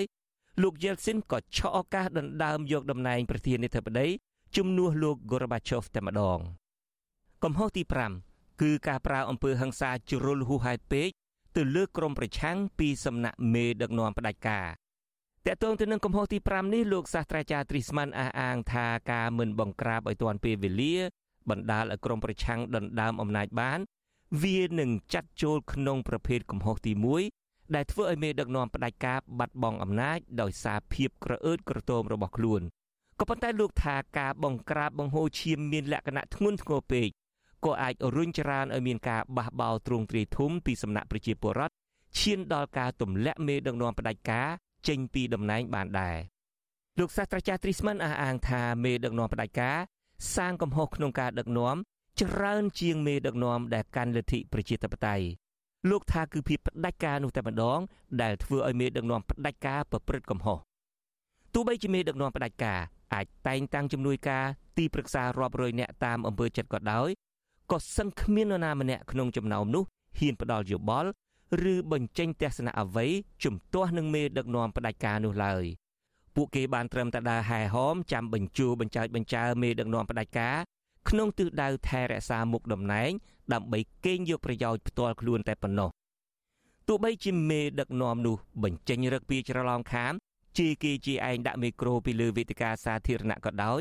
ក៏មន្ត្រីនៅជុំវិញខ្លួនទាំងនោះនាំគ្នាទះដៃហួរបន្តតាមហើយថែមទាំងចាត់ទុកភាសាដែលគេតែងឮជន់ពីលនិយាយតាមផ្សារនោះថាជាប្រសាសន៍ពោពេញទៅដោយកតេបណ្ឌិតទៅវិញក្នុងរយៈកាលកាន់អំណាចជិត40ឆ្នាំនេះលោកហ៊ុនសែនធ្លាប់សាងកំហុស ដែលធ្វើឲ្យលោកហៀបបាត់បង់អំណាចម្ដងជាពីរដងកំហុសមួយចំនួនដែលលោកហ៊ុនសែនបានសាងអាចមានលំនាំស្រដៀងនឹងកំហុសទាំង5ដែលលើកឡើងដោយលោកសាស្ត្រាចារ្យទ្រីស្មានដែរក៏ប៉ុន្តែកំហុសខ្លះក៏បណ្ដាលមកពីកលៈទេសៈជំរុញឲ្យលោកហ៊ុនសែនស្ថិតក្នុងភាពទាល់ច្រកហើយលោកក៏បង្ខំចិត្តទទួលយកស្ថានភាពនោះតែម្ដងសង្គ្រាមត្រជាក់ដុតដើមឧត្តមភាពផ្នែកមនុស្សគុំវិជារវាងប្លុកសេរីនិងកុម្មុយនីស ត្រូវបានបញ្ចប់នៅដើមទសវត្ស1990ប្រទេសមហាអំណាចមានសហរដ្ឋអាមេរិកសហភាពសូវៀតនិងចិន ដែលធ្លាប់តែមើលមុខគ្នាមិនត្រង់បានងាកមកចាប់ដៃគ្នាវិញប្រទេសលោកខាងលិចនិងចិន ដែលធ្លាប់គ្រប់គ្រងចលនាតស៊ូខ្មែរនៅតាមព្រំដែនខ្មែរថៃប្រឆាំងនឹងរបបក្រុងភ្នំពេញរបស់លោកហ៊ុនសែនក៏លែងមានតម្រូវការជួយក្រុមនេះតទៅទៀត សហភាពសូវៀតដែលធ្លាប់តែគ្រប់គ្រងប្រទេសកុម្មុយនីសដូចគ្នាដូចជាវៀតណាមនិងកម្ពុជាក៏ចាប់ផ្ដើមដោះដៃពីប្រទេសទាំងនេះដោយបាត់បង់ជំហរដ៏ធំតែមួយគត់ពីសហភាពសូវៀតរបបក្រុងភ្នំពេញនៅពេលនោះហាក់ដូចជាកំពុងលិចទូកណ្ដាលទន្លេលោកហ៊ុនសែនចាប់ផ្ដើមស្រវេស្រវារកអ្វីតោងឲ្យខាងតែបានដើម្បីឲ្យឆ្លងផុតពីគ្រោះលិចលង់នេះលោកបង្ខំចិត្តបើកផ្លូវឲ្យអាជ្ញាធរបណ្ដោះអាសន្នរបស់អង្គការសហប្រជាជាតិហៅកាត់ថាអ៊ុនតា ចូលមកគ្រប់គ្រងនិងរៀបចំការបោះឆ្នោតតាមបែបប្រជាធិបតេយ្យសេរីពហុបកជាលើកដំបូងនៅកម្ពុជា នៅឆ្នាំ1993ទោះបីជាមានអំពើបង្ហូរឈាមបាញ់សម្លាប់អ្នកនយោបាយដែលចូលរួមប្រកួតប្រជែងនឹងគណៈបកប្រជាជនកម្ពុជារបស់លោកហ៊ុនសែនយ៉ាងណាក្តីក៏គណៈបកប្រជាជនកម្ពុជាចាញ់ឆ្នោតដែលរៀបចំឡើងដោយអង្គការសហប្រជាជាតិនេះ ការចាញ់ឆ្នោតនេះអាចចាត់ទុកថាជាការវាយតម្លៃខុសរបស់លោកហ៊ុនសែន ដែលលោកគិតថាអាចនឹងមានជ័យជំនះបាន តាមរយៈការគម្រាមកំហែងនិងប្រើអំពើហិង្សាបង្ហូរឈាមមុនការបោះឆ្នោតនៅខែកញ្ញាឆ្នាំ1993អង្គការសហប្រជាជាតិបានចេញផ្សាយរបាយការណ៍ចុងក្រោយមួយរបស់ខ្លួន អំពីអំពើហិង្សានយោបាយដែលស្ដាប់ទៅគួរឲ្យព្រឺឆ្អឹងខ្នងរបាយការណ៍នោះបានរៀបរាប់យ៉ាងលម្អិត អំពីការគំរាមកំហែងនិងការសម្លាប់អ្នកនយោបាយដែលហ៊ានងើប តតាំងនឹងគណៈបកប្រជាជនកម្ពុជាផ្អែកលើការស៊ើបអង្កេតនិងដែលមានភ័ស្តុតាងជាក់លាក់ផង របាយការណ៍នោះបញ្ជាក់ថា គឺរបបរដ្ឋកម្ពុជាជាឈ្មោះថ្មីរបស់អតីតរបបសាធារណរដ្ឋប្រជាមានិតកម្ពុជា ដឹកនាំដោយគណៈបកប្រជាជនកម្ពុជានោះតែម្ដងជាអ្នកទទួលខុសត្រូវក្នុងការបំផិតបំភ័យនិងប្រើអំពើហិង្សាបង្ហូរឈាមទៅលើអ្នកនយោបាយនិងជនស៊ីវិលមុនការបោះឆ្នោតឆ្នាំ1993នោះ សរុបទាំងអស់ជិត100លើកការគំរាមកំហែងពីសំណាក់ក្រុមលោកហ៊ុនសែននៅពេលនោះត្រូវបានអង្គការសហប្រជាជាតិរកឃើញថាបានធ្វើឲ្យមនុស្សស្លាប់និងរបួសទាំងអ្នកនយោបាយនិងទាំងជនស៊ីវិលសរុបចំនួន86នាក់លោកហ៊ុនសែនប្រហែលជាភ័យបុកពោះមិនស្ទើរទេនៅពេលដែលលោកចាញ់ឆ្នោតនោះមិនត្រឹមតែប្រឈមមុខនឹងការបាត់បង់អំណាចទេលោកហ៊ុនសែនក៏ត្រូវទទួលខុសត្រូវចំពោះមុខគណៈកម្មាធិការមជ្ឈិមបកកុម្មុយនីស គឺគណៈបកប្រជាជនកម្ពុជារបស់លោកផងដែរចំពោះការដែលលោកចេញមុខទៅចរចាជាមួយភៀកគីចំនួនកម្ពុជាដទៃទៀតដែលទីបំផុតនាំមកនៅភាពបរាជ័យចំពោះគណៈបកប្រជាជនកម្ពុជាប្រហែលជាដោយសារមានអតីតភាពជាទាហានខ្មែរក្រហមលោកហ៊ុនសែនមិនសុខចិត្តចុះចាញ់ងាយងាយនោះឡើយលោកនៅក្រាញននីលនឹងហ៊ានធ្វើអ្វីគ្រប់បែបយ៉ាង ដើម្បីរក្សាអំណាចរបស់លោកទោះក្នុងតម្លៃណាក៏ដោយ ដំបូងលោកតវ៉ាថាការបោះឆ្នោតនោះលំអៀងបន្ទាប់មកលោកបង្កឲ្យមានស្ថានភាពតានតឹងនិងវឹកវរកម្រិតធ្ងន់មួយដល់កម្ពុជានាពេលនោះជំនួសឲ្យក្តីសង្ឃឹមថាកម្ពុជានឹងមានរដ្ឋាភិបាលស្របច្បាប់កើតឡើងតាមការបោះឆ្នោតដោយសេរីនិងយុត្តិធម៌កម្ពុជាបែរជាប្រឈមមុខទៅនឹងការអាចផ្ទុះសង្គ្រាមជាថ្មី នៅកណ្ដាលផ្ទៃប្រទេសតែម្ដង ហើយនឹងអាចឈានដល់ការពុះជ្រៀកប្រទេសកម្ពុជាជាពីរចំណែកផង ដើម្បីស្ដារស្ថានភាព ភាគីពាក់ព័ន្ធទាំងឡាយដែលមានសមត្ថកិច្ចជួយសង្គ្រោះកម្ពុជានាដំណាក់កាលនោះបានបង្ខំចិត្តប្រគល់ឲ្យលោកហ៊ុនសែននៅតំណែងជានាយករដ្ឋមន្ត្រីទី2ក្នុងរដ្ឋាភិបាលចម្រុះមួយជាមួយគណៈបកឈ្នះឆ្នោតគឺគណៈបកហ្វុនស៊ីនពេជ្រការដណ្ដើមបានអំណាចមកវិញនាពេលនោះ បានធ្វើឲ្យលោកហ៊ុនសែនធូរទ្រូងមិនតិចទេ ហើយក៏បានផ្ដល់បទពិសោធន៍ច្រើនបង្គួរដល់លោកហ៊ុនសែនលោកចាប់ផ្ដើមបដូរយុទ្ធសាស្ត្រខ្លះៗក្នុងការរក្សាអំណាចរបស់លោក លោកហាក់ស្បាត់រៀងចាលហើយបែបសន្យាក្នុងចិត្តតែម្ដង ថាលែងឲ្យមានគណៈបកនយោបាយណា ដែលអាចមានសក្តានុភាពប្រកួតប្រជែងនឹងលោកតទៅទៀតហើយដូច្នេះហើយបានជាគ្រាន់តែចាប់ផ្ដើមរក្សាជំហរឡើងវិញបានបន្តិចលោកក៏ចាប់ផ្ដើមធ្វើសកម្មភាពរំលាយគណៈបកហ្វុនស៊ិនពេជ្រភ្លាមលោករំលាយគណៈបកហ្វុនស៊ិនពេជ្របានយ៉ាងងាយដូចបកជ័យទុំអ្នកតាមដានស្ថានភាពនយោបាយនៅកម្ពុជាភ្ញាក់ផ្អើលមិនតិចទេ ពេលដែលឃើញមន្ត្រីក្រាក់ក្រាក់នៃគណៈបកនេះខ្លះជាអ្នកវិលត្រឡប់មកពីប្រទេសលោកខាងលិចផង ប្រជែងគ្នាហក់ត្របាក់នុយពីផ្លែសន្ទូចរបស់លោកហ៊ុនសែនហាក់ស្រែកឃ្លានជាទីបំផុតទោះនោះជានុយចន្លេននុយដង្កូវឬក៏នុយជ័រយ៉ាងណាក្តីតែមួយប្រើអ្នកនយោបាយដាច់នុយមួយចំនួននៃគណៈបកហ្វុនស៊ិនពេជ្រនាំគ្នាលក់ខ្លួនរំលាយគណៈបកខ្លួនឯងរៀបស្មើដល់បាតដីជូនលោកហ៊ុនសែន ទោះជាបំផ្លាញចោលគណៈបកនយោបាយធំមួយបានដោយជោគជ័យក៏ដោយលោកនៅតែរកវិធីទប់ស្កាត់មិនឲ្យមានការងើបឡើងនៃចលនាអ្នកប្រឆាំងនឹងលោកដែរទន្ទឹមនឹងនៅតែប្រើអំពើហិង្សាបង្ហូរឈាម បង្ក្រាបគំរាមអ្នកនយោបាយប្រឆាំង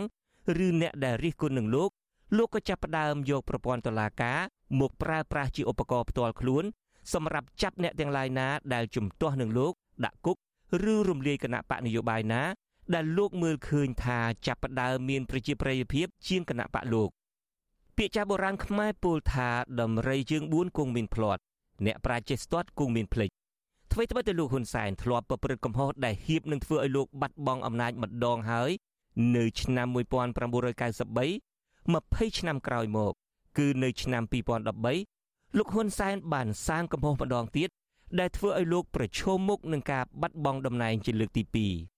ប្រហែលជាលោកទុកចិត្តខ្លួនឯងថាលោកក្តាប់គណៈកម្មាធិការជាតិរៀបចំការបោះឆ្នោតកោជបបានពេញក្នុងដៃដែលអាចធានានូវជ័យជំនះពីការបោះឆ្នោតផង និងជាធ្នូនៃការដកពាក្យបណ្ដឹងរបស់លោកសំរងស៊ីពីតុលាការក្រុងញូវយ៉កផងព្រមទាំងអាចមានគំនាបពីអន្តរជាតិផង លោកហ៊ុនសែនក៏ព្រមឲ្យមេបកប្រឆាំងនិរទេសខ្លួនដ៏មានប្រជាប្រិយគឺលោកសំរងស៊ីវិលមកកម្ពុជាចូលរួមការបោះឆ្នោតវិញ នាដំណាក់កាលនោះលោកហ៊ុនសែនក៏មិនសូវយកចិត្តទុកដាក់នឹងឥទ្ធិពលនៃបណ្ដាញសង្គមទៅលើការឃោសនាបោះឆ្នោតដែរលោកមិនទាន់មានកណនី Facebook ផ្ទាល់ខ្លួននៅឡើយប្រការនេះអាចចាត់ទុកថាជាកំហុសមួយទៀតរបស់លោកហ៊ុនសែនការរួបរวมគ្នារវាងគណៈបកភ្លើងទៀននិងគណៈបកសិទ្ធិមនុស្សបង្កើតបាននៅគណៈបកប្រឆាំងដ៏ធំមួយនៅកម្ពុជាគឺគណៈបកសង្គ្រោះជាតិពលរដ្ឋខ្មែរទាំងក្មេងចាស់ប្រុសស្រីនាំគ្នាចេញគាំទ្រគណៈបកបង្រួបបង្រួមថ្មីនេះ ភ្លុកទឹកភ្លុកដីយុវជនដែលនិយមលេង Facebook បានក្លាយជាសកម្មជន ហើយប្រើប្រាស់បណ្ដាញសង្គមនេះជួយឃោសនាឲ្យគណៈបកប្រឆាំងយ៉ាងផុលផុសឃើញស្ថានភាពបែបនេះលោកហ៊ុនសែនប្រហែលជាខ្វល់ចិត្តមិនស្ទើរឡើយលទ្ធផលនៃការបោះឆ្នោតឆ្នាំ2013នោះធ្វើឲ្យលោកហ៊ុនសែនស្ទើរលុះព្រលឹងម្ដងទៀតគណៈបកប្រឆាំងទទួលបាន45%នៃអាសនៈសភាទាំង123ឬបាន55កៅអី រីឯគណៈបកលោកហ៊ុនសែនបាន55%នៃអាសនៈសភាទាំងមូលឬស្មើនឹង68កៅអីទោះជាយ៉ាងណាគណៈបកសង្គ្រោះជាតិអះអាងថាបើមិនមានការលួចបន្លំសัญลักษณ์ឆ្នោតគណៈបកនេះប្រកាសជាឈ្នះក្នុងការបោះឆ្នោតលើកនេះចំពោះលោកហ៊ុនសែនវិញកំហុសក្នុងការអនុញ្ញាតឲ្យមានគណៈបកប្រឆាំងដ៏ធំចូលរួមក្នុងការបោះឆ្នោតជាលើកទី2នេះប្រហែលជាធ្វើឲ្យលោកហ៊ុនសែនរៀងចាល100ជាតិ ថាលោកនឹងមិនប្រព្រឹត្តកំហុសបែបនេះម្ដងទៀតឡើយអ្នកវិភាគនយោបាយនៅកម្ពុជាមួយចំនួន បានព្យាករទុកថាព្យុះសង្គ្រាដ៏កាចសាហាវមួយនឹងបោកបក់ទៅលើគណៈបកសង្គ្រោះជាតិដែលអាចនឹងធ្វើឲ្យគណៈបកនេះរលំរលាយទៀតផងក៏ប៉ុន្តែមុននឹងរំលាយគណៈបកសង្គ្រោះជាតិបើតាមការបាយធ្លាយមួយក្រុមលោកហ៊ុនសែនដឹកនាំដោយលោកអូនពាន់មនីរតនិងលោកប្រាក់សុខុនបានជួលក្រុមហ៊ុនស្រាវជ្រាវបរទេសមួយ ឲ្យជួយស្ទង់មតិអ្នកបោះឆ្នោតកម្ពុជាក្រុមហ៊ុនបរទេសនោះជារបស់ប្រទេសអ៊ីស្រាអែលឈ្មោះក្រុមយុទ្ធសាស្ត្រនិងយុទ្ធនាការឃោសនាបោះឆ្នោត Shavif ឬជាភាសាអង់គ្លេសថា Shavif Strategy and Campaign ក្រុមហ៊ុននេះរកឃើញថាបើគណៈបកប្រជាជនកម្ពុជាកាន់តែបង្កើនការធ្វើទុកបុកម្នេញទៅលើគណៈបកសង្គ្រោះជាតិនិងទៅលើលោកសំរងស៊ីកាន់តែខ្លាំងពលរដ្ឋខ្មែរក៏កាន់តែស្មោះស្ម័គ្រនឹងគណៈបកសង្គ្រោះជាតិនិងលោកសំរងស៊ី ហើយក៏នឹងនាំគ្នាទៅបោះឆ្នោតឲ្យគណៈបកប្រឆាំងនេះកាន់តែច្រើនមិនមែនតែលោកហ៊ុនសែនទេដែលខ្វល់ខ្វាយខ្លាចចាញ់ឆ្នោតកូនប្រុសច្បងរបស់លោកក៏ខិតខំសម្បើមណាស់ដែរក្នុងការរកវិធីដើម្បីធានាថាការបោះឆ្នោតលើកក្រោយទទួលបានជោគជ័យតាមរយៈឯកសារបែកធ្លាយជាបន្តបន្ទាប់គេក៏បានដឹងដែរថានៅថ្ងៃទី17ខែវិច្ឆិកាឆ្នាំ2016លោកហ៊ុនម៉ាណែតបានតាក់ទងជាមួយជនជាតិប៉ាគីស្ថានមួយរូបឈ្មោះ Joseph Matthews ជាការតបស្នងសងគុណនឹងលោកហ៊ុនម៉ាណែតក្នុងការជួយអន្តរាគមន៍ឲ្យបានទទួលសញ្ជាតិខ្មែរលោក Joseph សន្យាថានឹងជួយឲ្យគណៈបកប្រជាជនកម្ពុជាឈ្នះឆ្នោត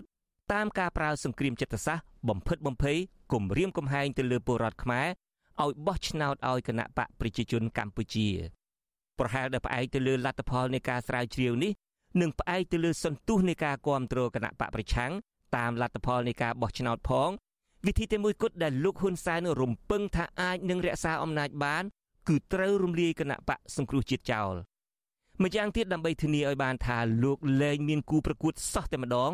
លោកក៏បំបិតសិទ្ធិអ្នកនយោបាយជាង100នាក់ពីគណៈបកប្រឆាំងមិនឲ្យធ្វើនយោបាយទោះជាយ៉ាងណាក៏ដោយខុសពីការរំលាយគណៈបកហ្វុនស៊ិនពេជ្រដែលលោកហ៊ុនសែនបោះសន្ទូចតែមួយប្រាវត្រូវក្រុមអ្នកនយោបាយឃ្លាននុយនៃគណៈបកនេះហក់ត្របាក់ រួចរំលាយគណៈបកខ្លួនឯងសងគុណលោកហ៊ុនសែនជាមួយគណៈបកសង្គ្រោះជាតិលោកត្រូវប្រើវិធីសាស្ត្រចម្រុះជាច្រើន ដំបូងលោកព្យាយាមស្ទូចបើស្ទូចមិនបាន លោកឆក់ខ្សែភ្លើងបើឆក់ខ្សែភ្លើងមិនស្លាប់លោករាយសំណាញ់ចាប់បើរកលេសចាប់មិនបាន លោកដេញបង្អើលបើដេញបង្អើលមិនចេញ លោកបាចទឹកអេរីងលែងឲ្យមានទីជំរកតែម្ដង ទន្ទឹមនឹងកម្ចាត់គណៈបកនយោបាយនិងអ្នកនយោបាយដែលលោកដឹងច្បាស់ថាអាចគំរាមកំហែងដល់ការកាន់អំណាចរបស់លោកលោកហ៊ុនសែនក៏ចាប់ផ្ដើមយល់ច្បាស់ពីឥទ្ធិពលនៃបណ្ដាញសង្គមជាពិសេសក្នុងទូនីតិផ្សព្វផ្សាយព័ត៌មាននិងឃោសនាបោះឆ្នោតលោកមិនប្រងើយកន្តើយក្នុងរឿងនេះទៀតឡើយលោកទិញអ្នកបង្កើត Facebook ឲ្យលោកម្នាក់ក្នុងតម្លៃ1កៅអីរដ្ឋលេខាធិការនៅទីស្តីការគណៈរដ្ឋមន្ត្រីទោះបីជាលោកហ៊ុនសែនចាប់ផ្ដើមប្រើបណ្ដាញសង្គមនេះ រៀងយឺតពេលជាងដៃគូនយោបាយរបស់លោកដទៃទៀតបន្តិចក្តីកណនី Facebook របស់លោកទទួលបានការគាំទ្រយ៉ាងគំហុកស្ទើរពីគ្រប់ទិសទីទោះជាភាកច្រើនលោកបង្ហោះសារតែជាភាសាខ្មែរលោកមាន fan ឬអ្នកគាំទ្រជាជនបរទេសជាច្រើនជាពិសេសពីប្រទេសឥណ្ឌាទូរទស្សន៍បារាំង Channel 24បានចេញផ្សាយអត្ថបទមួយកាលពីថ្ងៃទី10ខែកុម្ភៈឆ្នាំ2013ក្រោមចំណងជើងថាឥណ្ឌា មានកសិដ្ឋានសម្រាប់ចុចលក់ like របាយការណ៍អង្កេតនោះឲ្យដឹងថាគេអាចទិញ like ពី Click Farm ឬពីកសិដ្ឋានផលិត like คล้ายៗនៅឥណ្ឌាក្នុងតម្លៃ60អឺរ៉ូឬស្មើនឹង66ដុល្លារសហរដ្ឋអាមេរិកក្នុងចំនួន2500 like ខណៈដែលលោកចាប់ផ្ដើមលេង Facebook លោកក៏មិនទុកឲ្យអ្នកលេង Facebook ដទៃទៀតមានសិទ្ធិសេរីភាពដែរអ្នកដែលហ៊ានបង្ហោះសារជាចម្រៀងកំណាព្យ ឬក៏ជាអ្វីក៏ដោយចុះដែលមានខ្លឹមសាររិះគន់លោកនិងរដ្ឋាភិបាលលោក អ្នកនោះនឹងត្រូវក្រុមលោកតាមប្រម៉ាញ់ចាប់ដាក់គុកភ្លាមស្ថាប័នព័ត៌មានឯករាជ្យមួយចំនួនត្រូវក្រុមលោករកលេសបិទចោលនិងបណ្ដេញចេញពីកម្ពុជាគ្មានអ្វីគួរឲ្យពិបាកយល់ឡើយដោយគ្មានគណៈបកប្រឆាំងមានទម្ងន់អាចប្រជែងនឹងលោកបានគ្មានប្រព័ន្ធផ្សព្វផ្សាយឯករាជ្យនិងដោយនៅពីលើគណៈកម្មាធិការរៀបចំការបោះឆ្នោតផង ក្នុងការបោះឆ្នោតអាណត្តិទី6កាលពីឆ្នាំ2018កន្លងទៅនេះគណៈបកប្រជាជនកម្ពុជារបស់លោកហ៊ុនសែនក្រសោបយកបានអាសនៈសភាទាំងអស់តែម្ដងភាពឆ្លៀសវៃគ្មានពីរបស់លោកហ៊ុនសែនក្នុងការរៀនសូត្រពីកំហុសរបស់ខ្លួនរួចផ្លាស់ប្ដូរយុទ្ធសាស្ត្រទាន់ពេលវេលា រហូតឲ្យលោកអាចរក្សាអំណាចបានយូរបែបនេះប្រហែលជាអាចធ្វើឲ្យមេដឹកនាំផ្ដាច់ការល្បីល្បីទាំងឡាយនៅលើពិភពលោកសុំខ្មាស់ហើយអាចចាត់ទុកលោកហ៊ុនសែន ថាជាជើងឯកផ្នែកក្រាញអំណាចលំដាប់ពិភពលោកផងក៏មិនដឹងពាក្យចាស់បុរាណខ្មែរក៏តែងពោលដែរថាចំណេះជិះកឯងលោកហ៊ុនសែនធ្លាប់ភ្នាត់ស្នៀតដែលធ្វើឲ្យលោកវិសអស់តំណែងយ៉ាងហោចណាស់ពីរដងរួចមកហើយបន្ថែមពីលើនេះលោកខ្លួនឯងក៏តែងរអ៊ូជាញឹកញយដែរថាការងារជានាយករដ្ឋមន្ត្រី មិនមែនងាយស្រួលប៉ុន្មានឡើយក្រៅតែពីលំបាកនឹងការងារមមាញឹក លោកហ៊ុនសែនក៏ប្រហែលជាចង់សម្ដៅថាលោកក៏មានការលំបាកក្នុងការរកយុទ្ធសាស្ត្រតតាំងនឹងសត្រូវនៅជុំវិញខ្លួនលោក ដើម្បីរក្សាអំណាចដែរគណៈបកសង្គ្រោះជាតិរួមទាំងមេដឹកនាំនិងមន្ត្រីនៃគណៈបកនេះនៅតែជាបន្លាក្នុងភ្នែកលោកហ៊ុនសែននៅឡើយក្រៅពីនោះសហគមន៍អន្តរជាតិក៏កំពុងបង្កើនការគៀបសង្កត់និងដាក់ទណ្ឌកម្មលើរបបរបស់លោកព្រមទាំងសាច់ញាតិនិងមន្ត្រីរបស់លោកជាហោហែ ផ្ទៃក្នុងគណៈបកប្រជាជនកម្ពុជាក៏ហាក់មិនសប្បាយចិត្តនឹងការដឹកនាំរបស់លោកហ៊ុនសែនប៉ុន្មានដែរគ្រាន់តែគេមិនបង្ហាញឲ្យអ្នកក្រៅឃើញតែប៉ុណ្ណោះការផ្គូផ្គងផ្ទេរតំណែងដឹកនាំប្រទេសទៅឲ្យកូនរបស់លោកហ៊ុនសែនក៏ប្រហែលជាមិនអាចប្រព្រឹត្តទៅបានដោយរលូនដោយលោកគូសវាសទុកនោះឡើយជារួមស្ថានភាពនៅកម្ពុជា ហាក់ដូចជាបោសមួយ ដែលកំពុងទុំជូរមានអ្វីទៅប៉ះតែបន្តិចក៏អាចបណ្ដាលឲ្យបែកធ្លាយបានយ៉ាងងាយដែរ ម្យ៉ាងទៀតលោកសាស្ត្រាចារ្យ Trisman ដែលបានស្រាវជ្រាវពីការដឹកនាំរបស់មេដឹកនាំផ្ដាច់ការនានានៅលើពិភពលោកថាគឺមេដឹកនាំផ្ដាច់ការខ្លួនឯងនោះតែម្ដង ដែលបង្កគ្រោះកាយដល់ខ្លួនបើយោងតាមទ្រឹស្ដីនេះសត្រូវធំបំផុតរបស់លោកហ៊ុនសែនគឺលោកហ៊ុនសែនខ្លួនឯងតែម្ដងក៏ប៉ុន្តែទោះជាយ៉ាងណាក៏ដោយមានតែពេលវេលាទេ ដែលអាចឲ្យដឹងថាតើលោកហ៊ុនសែនអស់អំណាច ឬអាចរក្សាអំណាច បានយូរតទៅមុខទៀតដោយរបៀបណាខ្ញុំជុនច័ន្ទបុត With you Azizi Saray Washington